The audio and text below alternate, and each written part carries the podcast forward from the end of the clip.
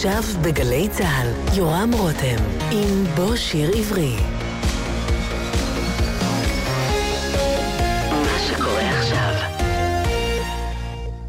בוקר טוב ושבת שלום לכם, כאן באולפן גלי צה"ל, הטכנאי יאיר בשן ואני יורם רותם.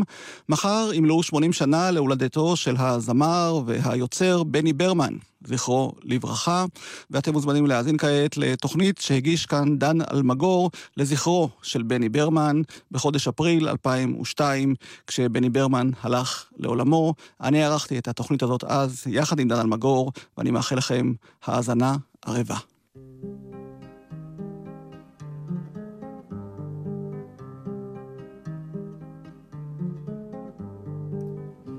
את במלוא קיטור שוב נחת תורה, אל יהי מראך פתאום עצור.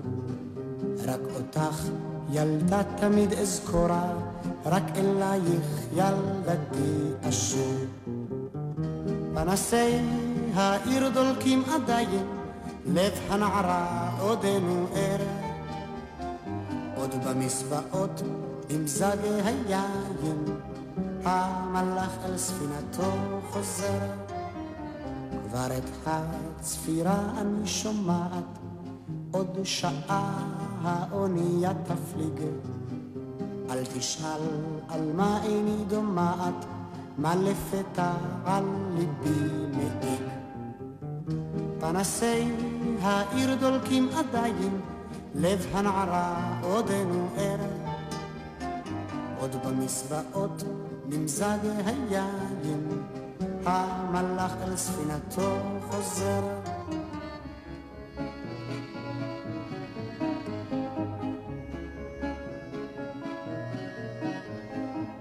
נא ילדתי בטון דרמטי, אל נא בחינם ליבך יתאר.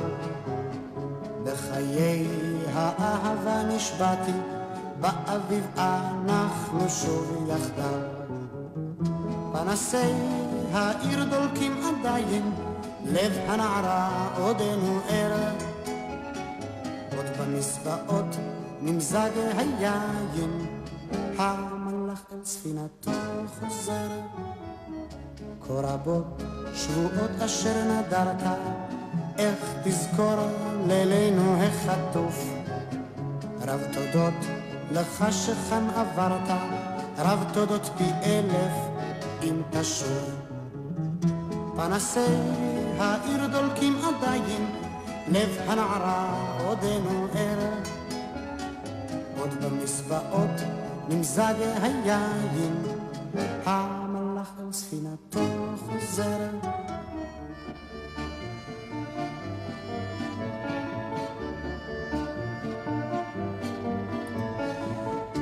את במלוא קיטור שוב נחת תורה, אל יהי מראך פתאום עצור.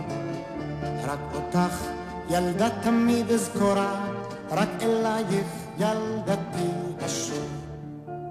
אלייך ילדתי אשור, אלייך אשור.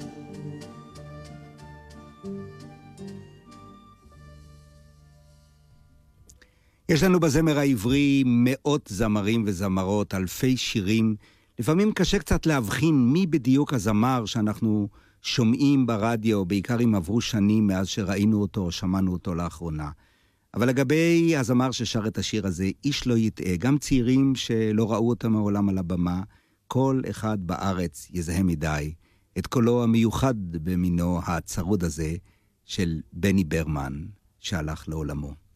רבים יישבו אותו לאחרונה לזמרים כמו ברל אייבס האמריקאי שהיה שר שירי ימאים ומלאכים, או לשירי זמרי הקאנטרי האמריקאים, משום שבני בצורתו, בזקנקן שלו, בקסקט על ראשו, בכל האגדות על ההפלגות, מזוהה כאילו יותר עם האמריקאי, מה גם שהוא באמת בילה 18 שנים באמריקה. לי הוא מזכיר יותר דווקא זמר צרפתי כל כך מוכר בארץ כמו ז'ורג' ברסאנס, שגם הוא כתב את רוב, את המילים והמנגינות לשיריו שלו, וגם הוא שר אותם בקול שלא היה קולו של זמר מקצועי כשהוא מלווה את עצמו בגיטרה. אבל גם ברסאנס אהב מאוד שירים סיפוריים, שירים עם מוסר השכל, ממזריים מאוד, ולכן נדמה לי שבני היה באמת יותר בסגנונו של ברסנס, מה גם שהוא התחיל את דרכו באמצע שנות החמישים, בתקופה שבה ירח הדבש שלנו עם צרפת היה בשיאו, ואנחנו כולנו בארץ שרנו ואהבנו מאוד את הזמרים הצרפתים, ובעיקר את ברסנס. עכשיו, כשבני איננו, אני נזכר בשיר אחד שכתבנו יחד אז, באמצע שנות החמישים, כשנפתח בתל אביב במרתף קטן, ברחוב אה, מנדלה, פינת רחוב בן יהודה, מרתף, אה, ממש מרתף, מועדון התיאטרון, שפתחו אותו שני מנהלי הקאמרי דאז, יוסף מילו הבמאי ויצחק קדיזון, ושם בני הגיע מיד כשעזב את הצבא, נספר אחר כך גם על פגישתנו קודם בלהקת צפון, אבל שם הוא הגיע, ושם כתבנו יחד כמה מן השירים שלנו, לא עבורו. הוא לא העז עדיין לשיר אותם על במה. כתבנו את זה עבור אומנים אחרים, וביניהם צמד צעיר שרק הגיע אז למועדון, איש לא ידע ולא הכיר אותם. היא הייתה מצפת, אתי רייכשטט, והוא אבי, היום היא מוכרת כאסתר עופרים, על שם הצמד ההוא. והאגדה, כשכתבנו יחד, הייתה אגדה עממית בכל הלשונות, בכל הפולקלורים, אבל היא היום, אחרי מותו של בני, יש לה אולי משמעות מיוחדת. חיי אדם.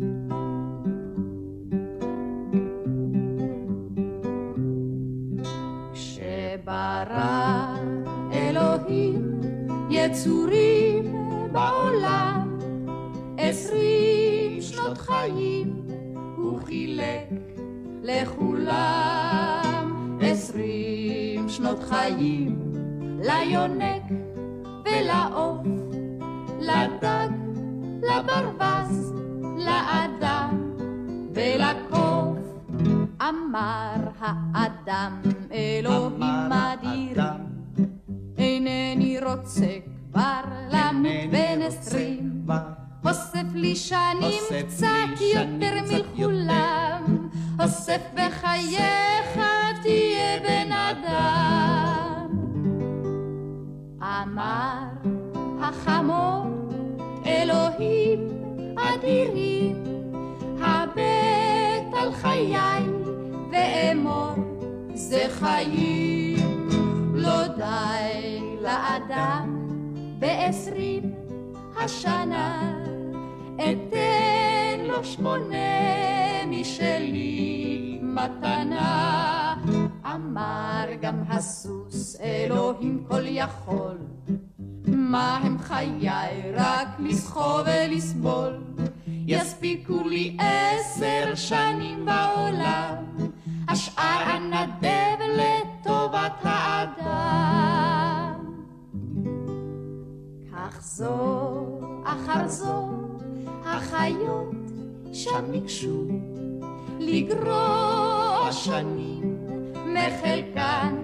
הם ביקשו הכלב, הקוף, החזיר, השפנים תרמו ברצון למגבית השנים. ישב אלוהים ערני וקשוב רשם כל תרומה. כן, מכונת החישוב לבסוף הוא לחץ על כפתור המכונה, טוב כך עד מאה ועשרים שנה. מאז האדם חי חיים משונים, הוא חי כמו אדם את עשרים השנים, מחזיר בלי היסוס, עובד כחמור ומזיע כמו סוס, כפרד דקשן ורועד כחתול, אוהב כשפן וזוחל כשבלול, רעב הוא ככלב, זולל כחזיר, לבסוף כמו הקוף נשמתו הוא מחזיר. כך ברא אלוהים יסורים בעולם.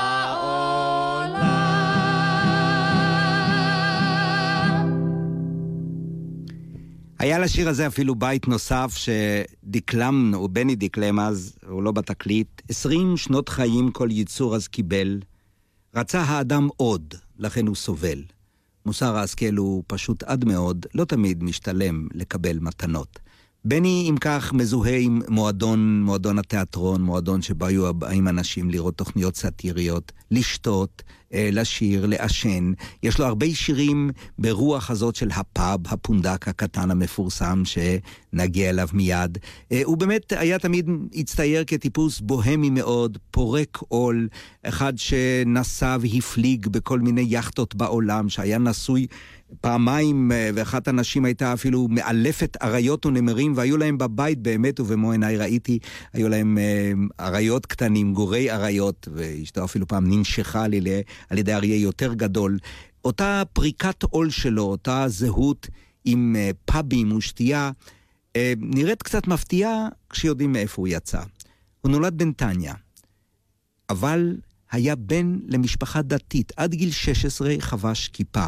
וזה דבר שאולי אצלנו לא כל כך היום יודעים. היום כבר רואים, יש בתי ספר לאומנות גם לחובשי הכיפות ולבנות הדתיות, יש בגלי צה"ל קריינים חובשי כיפה, ויש כמובן הרבה יותר פתיחות אל אמ, האומנות והתקשורת.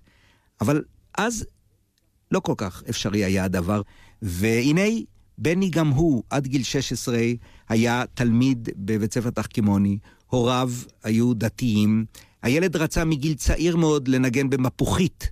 אה, חלם על אקורדיון, אבל כסף לאקורדיון לא היה, אז נתנו לו מפוחית. והייתה לו תשוקה מאוד מוזרה אולי, אה, אז לילד דתי, להיות מלאך, לשוט. עדיין אה, קצת מסיבות זער בורגניות, הוא רצה למצוא סירה ולשוט לקפריסין, לקנות לאימא שלו מגהץ עדים, לא פחות ולא יותר. שום פיראט, אני חושב, מהשירים שלו, קברניט עם רגל מעץ, לא חלם לנסוע לקנות לאימא מגהץ עדים, אבל בימים ההם מגהץ עדים היה חלום של כל משפחה ישראלית, ואפשר היה להשיג אותו רק בקפריסין, ולכן הסירה הראשונה שנספר מאוחר יותר, איך בנה אותה בני, הייתה מיועדת להפליג עד קפריסין, לקנות מגהץ עדים ולחזור לארץ. והנה השיר בפונדק קטן, שהוא כל כך מוכר, כל כך מזוהה עם בני, והוא נשאל בשעתו כאן בגלי צה"ל על ידי מולי שפירא בתוכנית בילוי נעים. מולי גם היה יוצא להקת פיקוד הצפון שבה שירת בני. הוא נשאל איך עם קול כזה הוא שר. איך הוקלט השיר פונדק קטן. הנה מה שאמר אז בני. חברת התקליטים שהקליטה אותי אז, לא רצתה את השיר הזה. הם ממש אמרו, מה, אתה תכניס קולות של אופנוע, או קולות, אתה רוצה קולות? מה פתאום? אמרתי לה, אבל זה חלק מהצבע של השיר, אני רוצה את זה כל כך. לא, בשום אופן לא. אז נסעתי להופעה ב... לבאר שבע, והופעתי עם אריק מחכה חיות. אז הבאתי אותו פה לאולפן, ואז היה פה יואב רחמני ושרי רז, הייתה קרן, הייתם... שרי בטלוויזיה, סתם. כן, כן, הם היו ידידים טובים מאוד שלי בזמנו, ובאולפן הזה, באולפן הזה, אבל נדמה לי שאם אני זוכר טוב, הוא היה הפוך. החדר בקרה היה איפה שאנחנו יושבים, והאולפן היה בצד השני. אז הכל היה הפוך. אבל, כן. כן, אבל ככה זה היה. והבאנו כוס מים, והתחלנו את השיר, שפכנו מים שישמעו גלים וים כזה. מה אתה אומר? לעשות את הרוח, ואני התחלתי לשיר. ככה עשינו, ואת האופנוע, הוא, הוא עשה את הקול של האופנוע, ואת הקול של הציפורים, וכל הדברים האלה. ו- ו- והיה כאן סרט, והם ניגנו את השיר מסרט כל הזמן, וזה עשה להיט בעצם מתוך סרט, ואחר כך אה, החברה הזו הכניסה את זה באמת לתקליט, ואם תראה את התקליט הזה, אז השיר הוא אחרון ברשימה, הם לא האמינו שהשיר הזה יהיה להיט בכלל. בפונדק קטן בנמל קטן שם היין אדום ונוצץ בפונדק קטן הן ישבו שלושתן עם קברניט ולו רגל מעץ ואמר הקברניט אין דבר אין דבר עוד מחר תישאני ספינה אל הים אל הים הכחול עוד מחר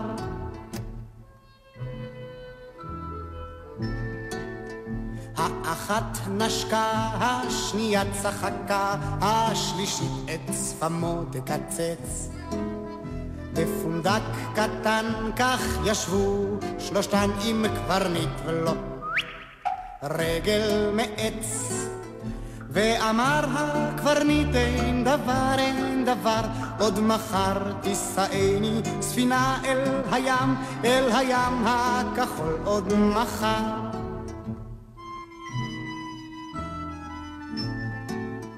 אז לקח חתן מפונדק קטן האחת על אופנוע מעץ ונותרו שתיהן בפונדק אשם עם קברניט ולא רגל מעץ ואמר הקברניט אין דבר אין דבר עוד מחר תישאני ספינה אל הים אל הים הכחול עוד מחר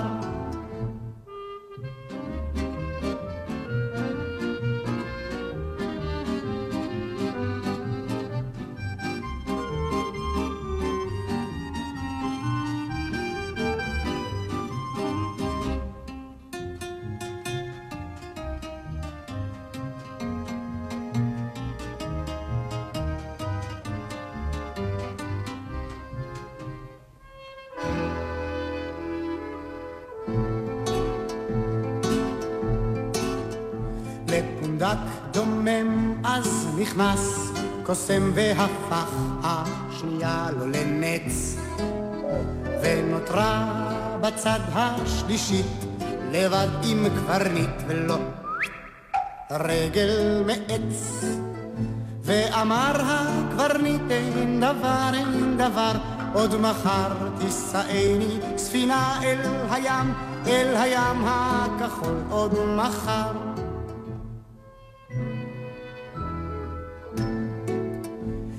התכעס קברניט אז על השלישית וכוסו בשולחן הוא ניפץ. בפונדק קטן אז בראש מורכן הוא ישב רק עם רגל העץ ואמר הקברניט אין דבר אין דבר עוד מחר תישאני ספינה אל הים אל הים הכחול עוד מחר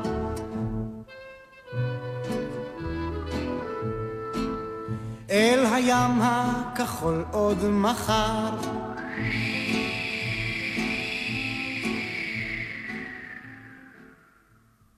אין ילד בארץ שאינו מזהה את השיר הזה ואת האפקטים המיוחדים שלו. וכמו שאמרתי, זה שיר ברסנסי טיפוסי, ממש מזכיר מאוד את הטרובדור הצרפתי, ולא במקרה, משום שבני באמת בעבודתו הראשונה, כשהשתחרר מן הצבא, זה היה מיד אחרי מלחמת אה, סיני במחצית השנייה של שנות החמישים. כשעבד במועדון התיאטרון לא נתנו לו עדיין להופיע על הבמה המרכזית של האולם הקטנטן הזה, שבה הופיעו אומנים לפני בואם של חברי הרביעייה. חברי הרביעייה, רביעיית המועדון המפורסמת, היו כולם שחקנים בקאמרי, והם היו צריכים לשחק בכתוב בעיניכם, באולם נחמני, במקומות אחרים, ורק השתחררו מן ההצגה מדי ערב לקראת 11. היה צריך להחזיק את הקהל שבא כבר בעשר, למועדון לילה ישראלי, אה, עד שיגיע הקהל. ואילו מספר מדרגות יותר נמוך, היה מרתפון קטן ובו פסנתרון קטן, שעליו ניגן יוחנן זרעי, ואשתו ריקה אז אה, הייתה שרה על ידו, ושם גם בני, יחד איתם היה, עם הגיטרה, שר את השירים שלו. יוחנן זרעי היה משוגע על הוא היה הונגרי בעצם, הגיע אלינו אחרי שה...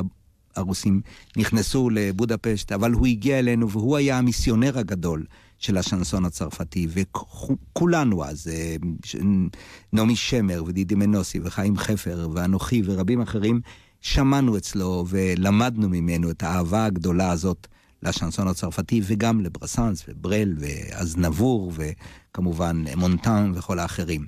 ובני אז ספג ערב ערב ליד הפסנתר של זרעי את האהבה הזאת לברסנס, לקולו הצרוד שהוא מאוד מאוד היה קרוב אליו, ולסיפור, לסיפור, להומור. בתים קצרים, ארבע שורות, פזמון קצר, סיפור לפעמים עממי, לפעמים ממזרויות, אבל תמיד ברוח זאת. וגם השיר הבא שלו, שבעצם שוב מדבר על האהבה לים, הרבה מאוד משירה, ולכן גם ראו בו מין קברניט כזה אה, שנוסע, והיה זמן רב שהוא שייט לו בסירות וביאכטות השונות, השירים האלה הם אופייניים לו, ואחד מהם, מאז, נקרא נוף בים.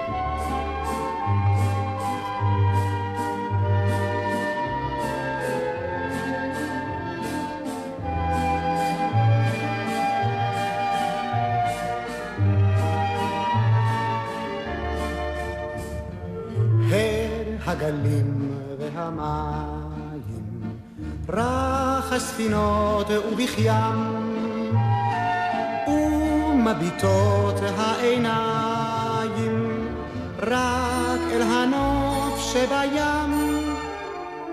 שם ספינתו עוד תנוע, כשעוד דייג נעלם, והמפרש הקרוע, זהו הנוף שבים.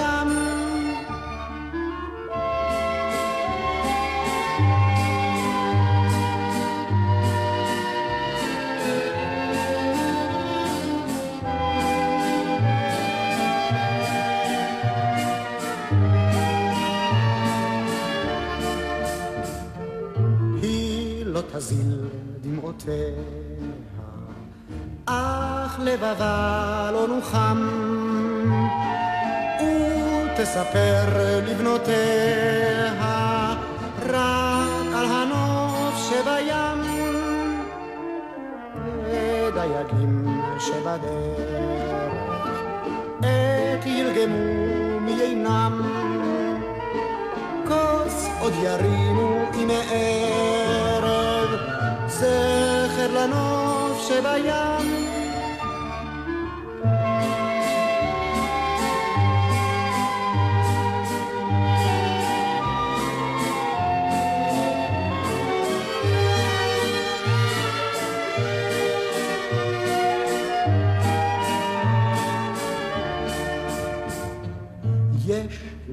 לעתים הוא רוגע, יש הוא סוער ומיותם, אין עוד דייג שיודע. טבע הנוף שבים.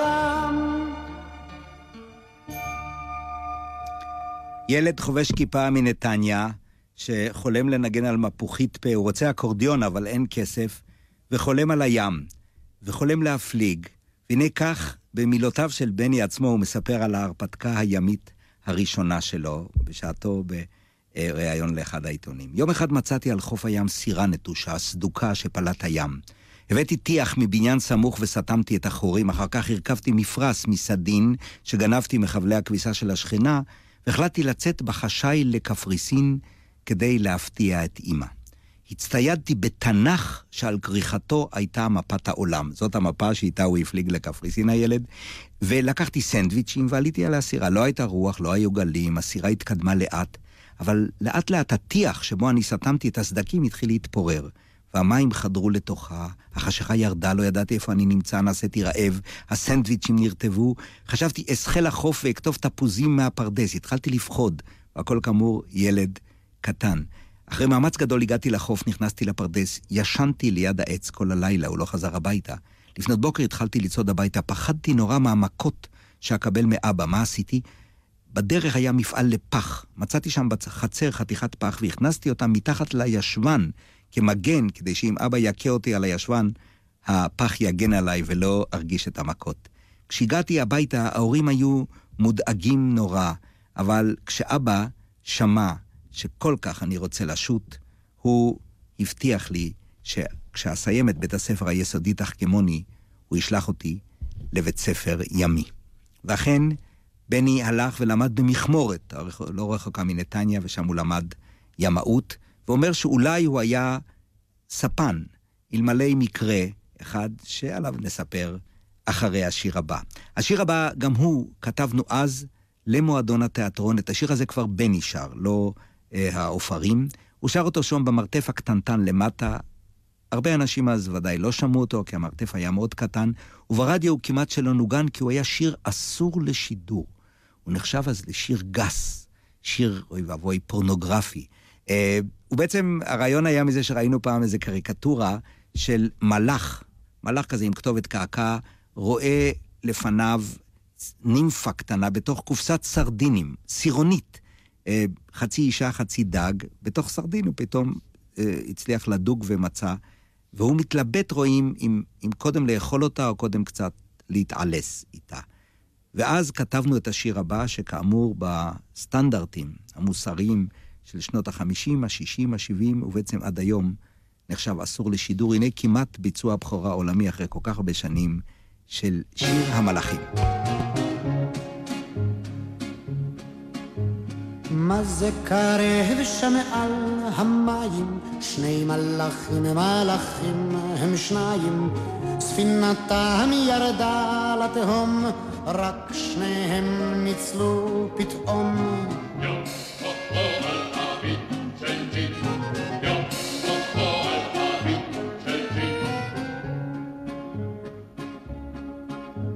סך האחד כך נשות שבועיים, אוכל לא בא אל השפתיים, לו רק דאגנו איזה דג, זה יהיה ממש יום חג.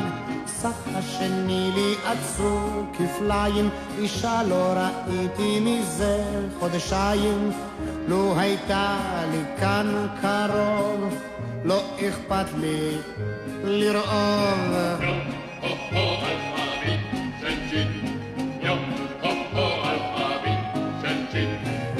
פתע שניהם פערו עיניים, היי הסתכל, אישה במים, זה לזה קרה נרגש, הבט אישה ממש, שני הרעים אז שלחו ידיים, את האישה הן משו ממים, אך אחד פתאום צעק, הן חציה הרי הוא דג.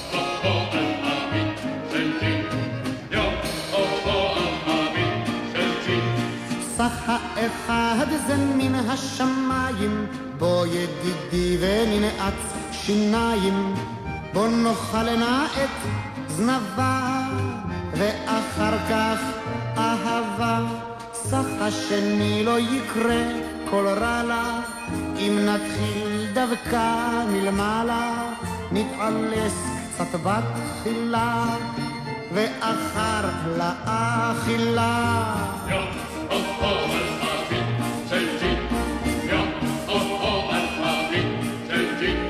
ריב פרץ אז בין השניים, זה את זה הם זרקו למים, והגברת הנבה שתה הלאה בחדווה. לו גם אתה, אדוני, שחית? באיזה חלק בוחר? היית להתחיל בו כראשון בתחתון או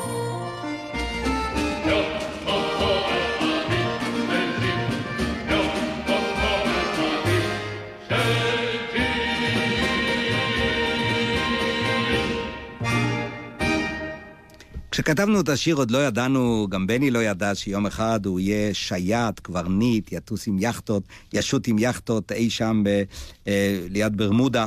אה, אנחנו אז את הדברים האלה קיבלנו מן הספרים שקראנו בילדותנו, כמו אי המטמון, יו-הו-הו על חבית של רום או על חבית של ג'ין, אה, וגם אותו הקברניט עם רגל מעץ, הכל היה גם מן הספרים של הילדות וגם מן הסרטים שראינו אז, וככה הציתו ושלהבו את דמיוננו.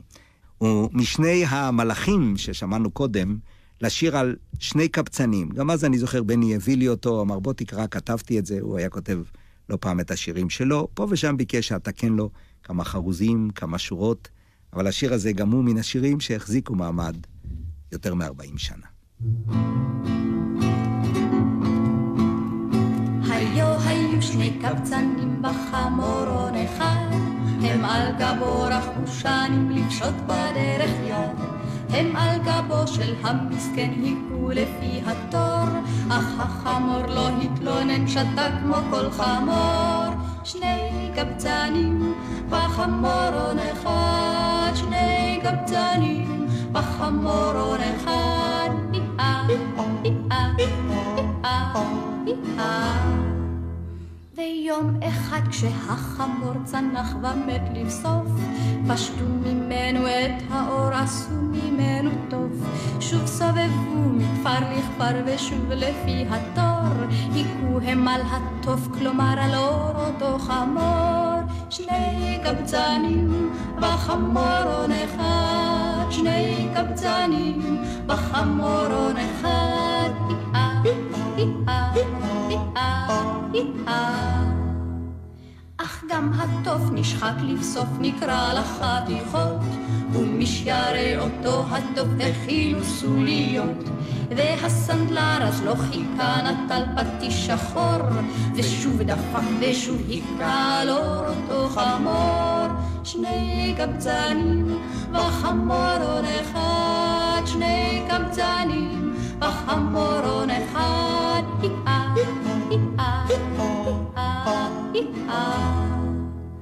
מוסר השכל האל פוסק לכל אדם עתיד, ואם נגזר שתדפק דפוק אתה תמיד.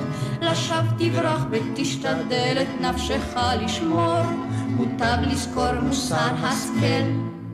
חמור נשאר חמור, שני קבצנים וחמורון אחד, שני קבצנים וחמורון אחד, היאה, היאה, היאה.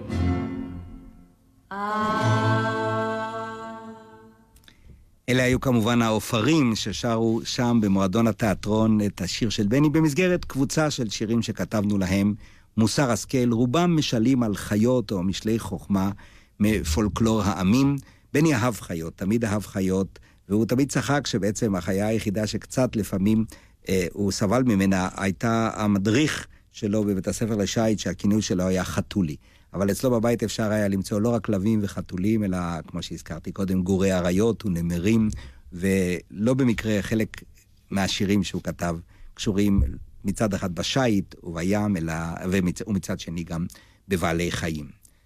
הזכרתי קודם שבגיל אה, חמש-שש כבר הייתה לו מפוחית פה, אבל הוא חלם על אקורדיון, אבל לא היה כסף למשפחה לקנות אקורדיון, שזה היה דבר די יקר.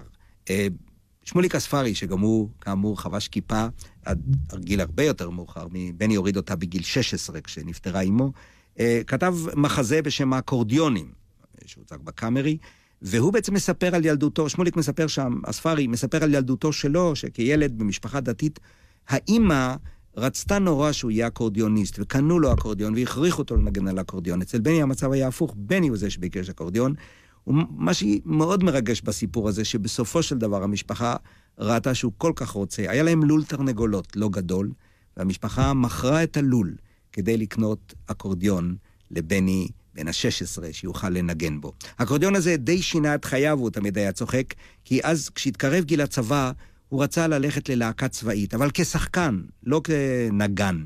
כשחקן, והלהקה שכמובן אז הייתה בשיא הפופולריות, הייתה להקת הנחל. זה היה מיד הדור אחרי טופול ו- ואורי זוהר ונחמה וכדומה, והגיע התור של יהורם גאון ואריק איינשטיין וגברי מהגששים, והוא ניגש לבחינות ביפו כשחקן, והתקבל. והתקבל ללהקה, אבל אמרו לו, תראה, כרגע אורי זוהר, בוגר הלהקה הקודמת, מביים איזה הצגה אז כבר, כל הקאסט, כל הליהוק גמור, בתוכנית הבאה של להקת הנחל אתה מתקבל כשחקן עם אותם אלה שהזכרתי, יורם גאון, אריק איינשטיין, גברי ואחרים. בינתיים, שמענו שאתה קצת מנגן, תצא עם איזה צוות הוואי. וכמו נעמי שמר ונחום מימן לפניו, הוא יצא בצוות הוואי של הנחל, והוא ניגן, ויחד איתו בצוות הייתה גם רקדנית צעירה יפהפייה בשם יונה לוי, שלימים הייתה כוכבת ענבל, והציגה את בתפקיד הראשי במחזמר נאסר א-דין, ואז גילו פתאום שהוא גם יכול לנגן באקורדיון. ואי שם במפקדת אה, קצין חינוך ראשי, אמרו, רגע, אקורדיוניסט, אנחנו צריכים כרגע אקורדיוניסט באופן דחוף ללהקת פיקוד הצפון שהתארגנה.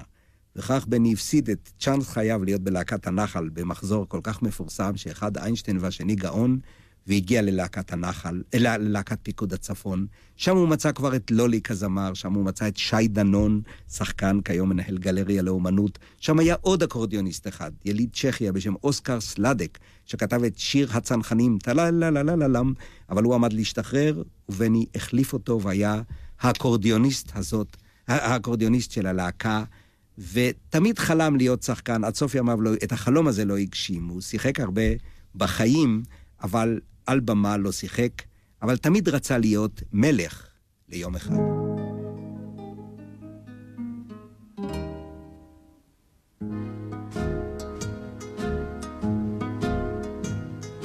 שם בקצה הכרת איש קבצן ניצב, את ידו פושט אל כל עובר ושב, את יורד הערב, פנסים חיוורים, איש השליך מטבע, זה לכבוד פורים, כי האנשים תמיד אומרים, לא כל יום פורים.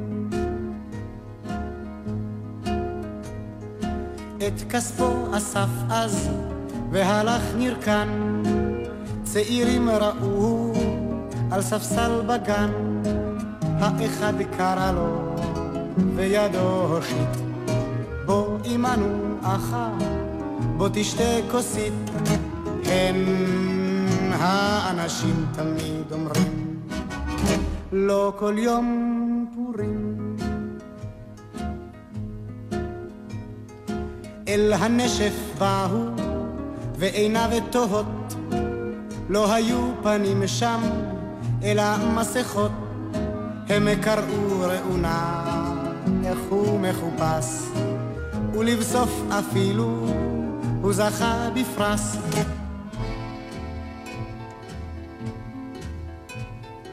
עם מלכת הנשף הוא רקד בגן, היא אמרה לו בואה, בוא נלך מכאן. בידה אחז הוא ועיניו הרים, מהיום לחש לה לא ימות פורים, אך האנשים תמיד אומרים, לא כל יום פורים. הן רעי תבינו, הוא היה שיכור, על ספסל בבוקר, שוב הקיץ מקור, שוב ביד רועדת, את כספו מנה, עד פורים הואכה, יש לו עוד שנה, כי האנשים תמיד אומרים, לא כל יום פורים, לא כל יום פורים.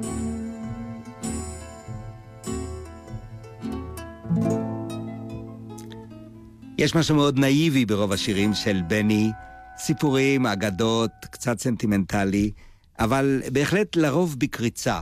והדברים האלה, אני חושב, אפיינו אותו. הוא היה עד יומו האחרון מין ילד מגודל כזה, קצת שובב, קצת עדיין נאיבי, שמסרב, מסרב אה, להתבגר. הוא גם אה, בגיל 55, הוא אמר לעצמו, כתב שיר, אני גוף בן 55 ונשמה של ילד בן 16, לפעמים גם של ילד בן 4, והוא השתדל לקיים גם באיזה צורה שהיא את השירים שהוא כתב. וגם אותו פונדק קטן עם קברניט מרגל מעץ, זמן קצר לפני מותו, והוא ידע בשנתיים האחרונות שזוהי מחלה שתקרב את קיצו, מחלה שלא יוכל להתגבר עליה, אם כי היה מאוד אופטימי. הוא ביקש שעל קברו, כמו שעושים אצלנו לפעמים uh, עץ גדוע, ענף גדוע, כל מיני, על הפסלים שעל המצבות, שיציבו פסל של קברניט עם רגל מעץ. אה, בבית הקברות בנתניה לא כל כך התפעלו מן הרעיון הזה, שם בקושי כבר מסכימים היום גם לענפים הגדועים וכמובן לתמונות, ולכן אמרו לו, אה, אמרו לבני המשפחה, לחברים שבאו אחרי זה, שהם לא יכולים לכבד את בקשתו. אולי בבית הקברות הישן בנתניה, ששם כבר לא כל כך באים הרבה אנשים, אבל בבית הקברות החדש הם סירבו בכל תוקף, ולכן לא נוכל למצוא בנתניה מצבה שבארצות אחרות אולי הייתה מביאה תיירים ואנשים היו באים לראות ולעמוד רגע לידה ולהצטלם. אה, מצבה ובראשה קברניט עם רגל מעץ. בני ברמן היה זמר ישראלי בכל נשמתו, היגויו, המנגינות שלו, צורת הדיבור שלו, המחשבה, ההתבטאויות, אבל 18 שנים תמימות הוא לא חי בארץ. הוא יצא בעצם ככה, הוא לא ידע שהוא יוצא לתקופה ארוכה, הוא יצא קצת כמו כל הישראלים של אז, אה, קצת לראות, קצת לטעום את העולם הגדול, אולי לשוט שם למקומות יותר רחוקים מרודוס או קפריסין, אבל 18 שנים לא היה כאן, והיה בטוח שהוא נשכח. אבל כשחזר לכאן, נדהם לראות שזוכרים את שיריו, שכולם... פחות או יותר יודעים לפחות את חמשת השירים הראשונים ששרים אותם, ואז כאן בגלי צה"ל הוא נשאל שוב בתוכנית אה, בילוי נעים עם מולי שפירא, איך זה שהוא עזב את הארץ, איך הוא חש אחרי 18 שנים כשחזר, וזה מה שהוא אמר. בני ברמן, אה, היית, כפי שסיפרנו, אה, כוכב כאן, למה בעצם נעלמת? אני לא נעלמתי, תראה, אני יצאתי, כל אחד אומר נעלמתי, אני בכלל לא נעלמתי. יצאתי לארה"ב והקלטתי שיר שנקרא שיר לשלום. זה לימד את המילה שלום בכמה שפות, זה היה בשנת 70 בסך הכל יצאתי. עשיתי את זה עם ילדי האומות המאוחדות, או ילדי העולם, אם אתה רוצה לקרוא לזה ככה, וזה עשה להיט בניו יורק, וזה פתח לי המון דלתות. אה, שבאמת לא היו פתוחות אה, בפני, אני לא חושב, הרבה זמרים ישראלים שהסתובבו בניו יורק. התחלתי להופיע בכל מיני מקומות. הייתה לי תוכנית טלוויזיה של ארבע, אה, שמשכנו אותה ארבע שנים במרכז ארצות הברית, והופענו, התחלנו להופיע עם כל מיני שירי קאנטרי ו bluegrass ודברים כאלה. ומה זה הסיפור הזה עם היאכטה? לא רציתי להופיע יותר, רציתי לקחת ככה הפסקה מכל הדבר, כי זה, אתה יודע, הסתובבנו ככה בכל העולם, הייתי עושה מאה אלף מייל בשנה להופעות, אתה יודע, בסינגפור, בנקוק, דרום אפריקה הופעתי, על האוניות, אה, בלוס וגאס, ממש סיבוב, היה לי בסך הכל שבועיים חופש בשנה. אז החלטתי לרדת מזה וללמד שיט, כי הייתה לי אה, ספינה קטנה. וזה התפתח לשמונה יאכטות, הוצאתי רישיון של קפטן, ואני נעשיתי קפטן. אתה קפטן עכשיו? כן, קפטן לכל דבר, כן. אמ, ברישוי אפילו.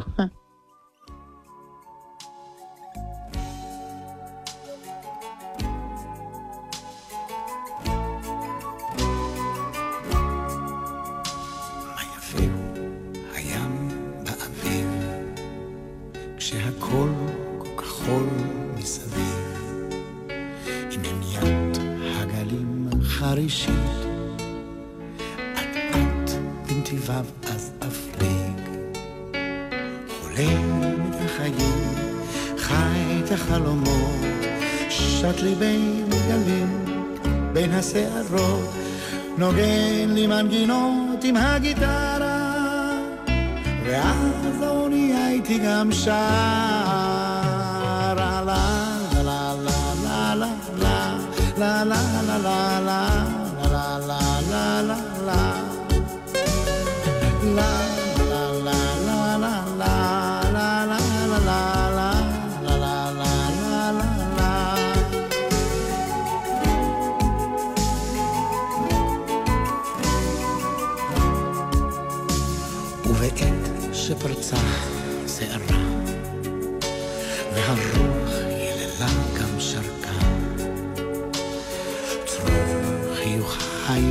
כוכבים, כך אנווט בין הגלים.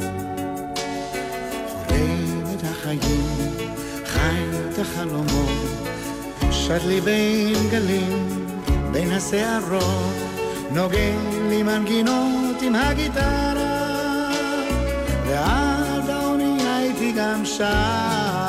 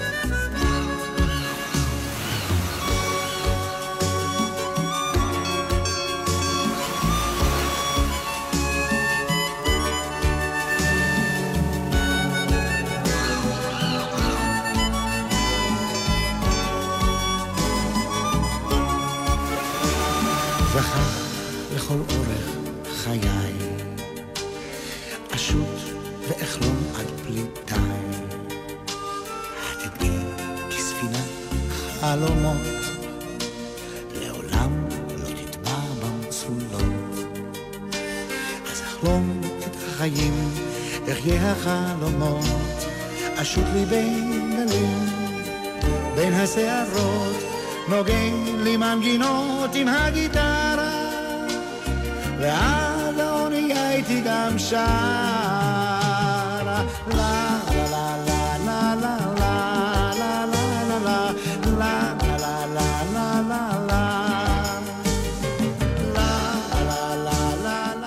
זהו כמובן אה, מהשירים המאוחרים יותר של בני שהוא הקליט אחרי שחזר לכאן בסוף שנות ה-80, אחרי היעדרותו הממושכת אה, והיותו בארצות הברית. אה, רוב השירים שלו, הוא עצמו כתב את המילים, אבל כאמור לפחות עשרה, חמישה עשר שירים.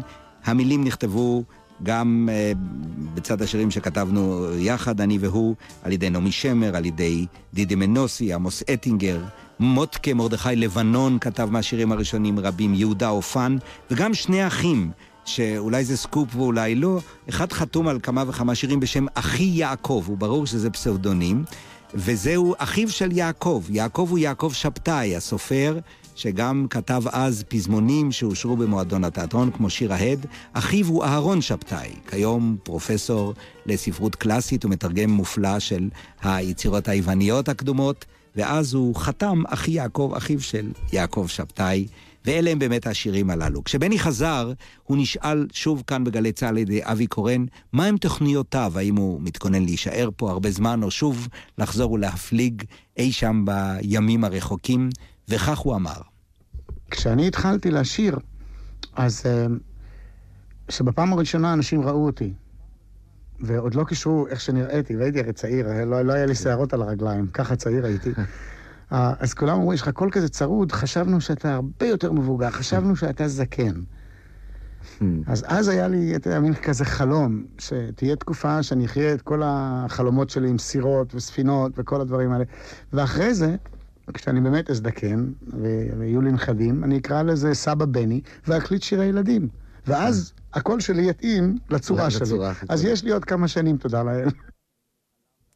הוא קיווה שיש לו עוד כמה שנים, הוא חלם לעשות תוכניות ילדים. כל פעם שנפגשנו, אמר, אתה מוכרח לבוא אליי, יש לי אולפן בבית, אני אראה לך את השירים שלי, את, את סרטוני הטלוויזיה שאני מכין, יהיה נהדר לנכדות שלך.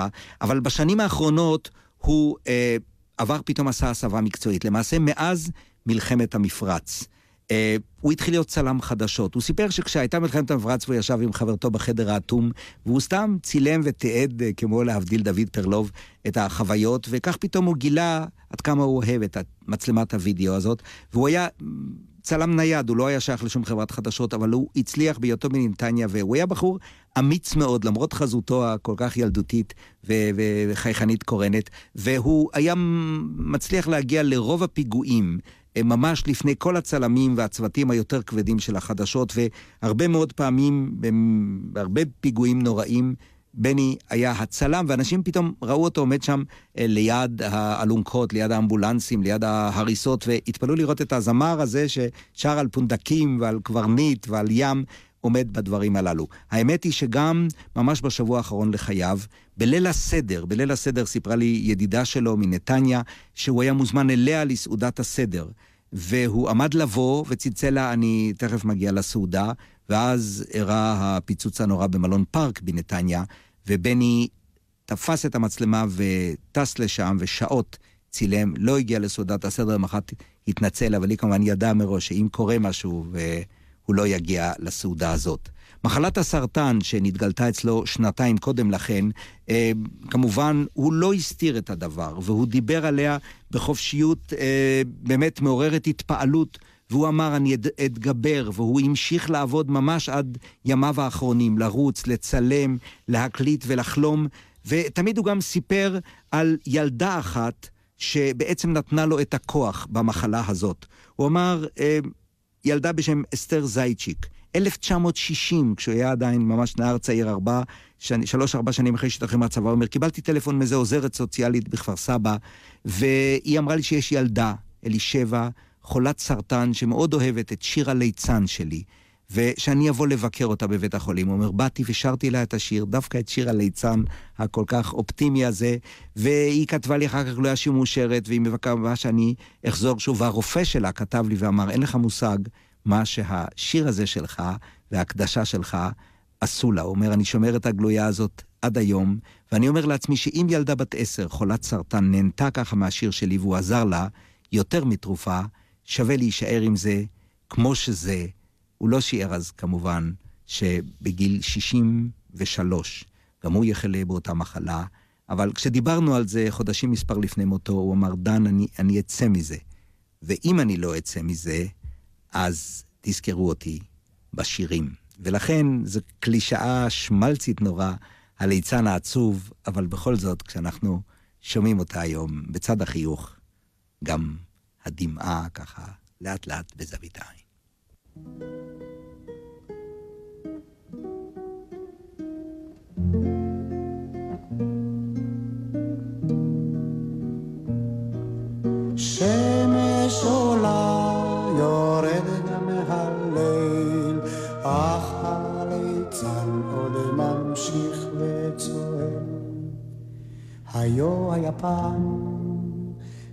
סבתא אומרת, היו היה פעם קרקס. בין חבל לחבל שם דמות מקרקרת, זו דמות הליצן הננס. התוכנית שהגיש כאן אה, דן אלמגור על בני ברמן ושיריו שודרה לראשונה באפריל 2004, כשבני ברמן הלך לעולמו, והיא שודרה כעת שוב, כיוון שמחר ימלאו 80 שנה להולדתו של בני ברמן, זכרו לברכה. תודה לטכנאי יאיר בשן, כאן יורם רותם. שבת שלום, והמשך האזנה מהנה לגלי צה"ל. קטן וזעיר, הוא נראה מול היתר, אך עת לזירה הוא נכנס. פורץ הקהל, בתשואות חן לפתע, לכבוד הליצן הננס. שמש עולה, יורד גם הליל, עוד ממשיך וצוהל. שמש עולה, יורד גם הליל, הליצן עוד ממשיך וצוהל.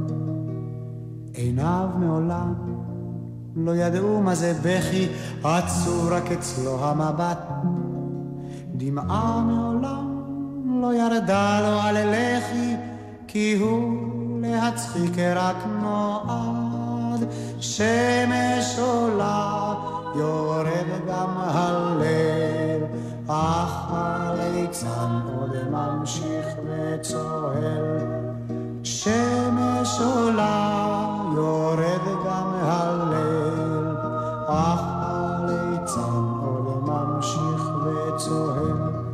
וערב אחד, אביו מהחבל נפל, וגופו התרסק. בכה הקרקס, הטמנו בקבר, אך בנו הליצן עוד צוחק. שמש עולה, יורד גם הליל, אך הליצן עוד ממשיך וצוהל. שמש עולה, יורד גם הליל, אך הליצן עוד ממשיך וצוהל.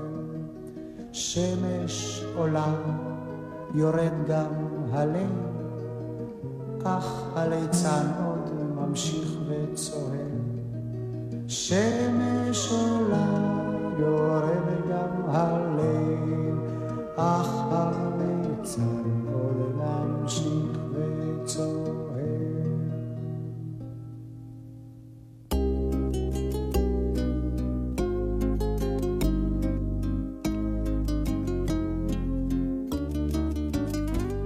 בספינה תכונה רבה שתים הביתה, השמחה גדולה, הדגל כבר מונע, ואני על הסיפון אוחז בהגה, והחוף לאט באופק נעלם. הספינה כך מפליגה לתוך החושך, המפרש פרוס הרוח חרישית, הימים כך משתפכים לתוך הלילה, הלילות כך מתמזגים עם הימים. כמה טוב, כמה טוב, אותך לזכור ולאהוב עם הרוח במפרץ, ותקוות לכאן לא כך אשוב כולי תפילה אל השמש העולה, עד ארצי, עד מגדל אור, חוף מבטחים אליו אחזור. עד ארצי, עד מגדל אור, חוף מבטחים אליו אחזור. המפנה הוא ימני, הרוח שרה. והאופק מחבק את הגלים. הכיוון הוא צפון-מזרח לאי ברמודה, במהירות הזאת אשוט עוד שני ימים. מברמודה כך אפליג לי באוקיינוס, והאי לאט באופק נעלם. הרוח היא צפונית ומתחזקת, הגלים רוגשים והמפרץ צומצם.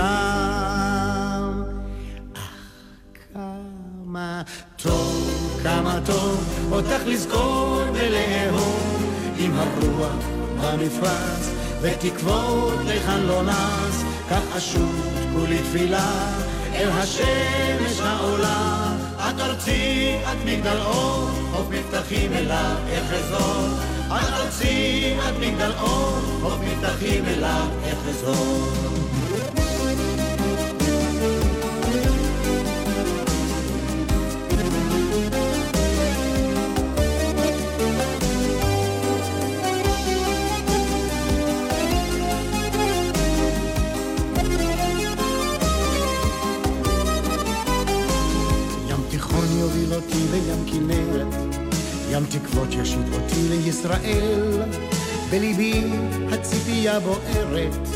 שבאופק כבר אראה את הר כרמל.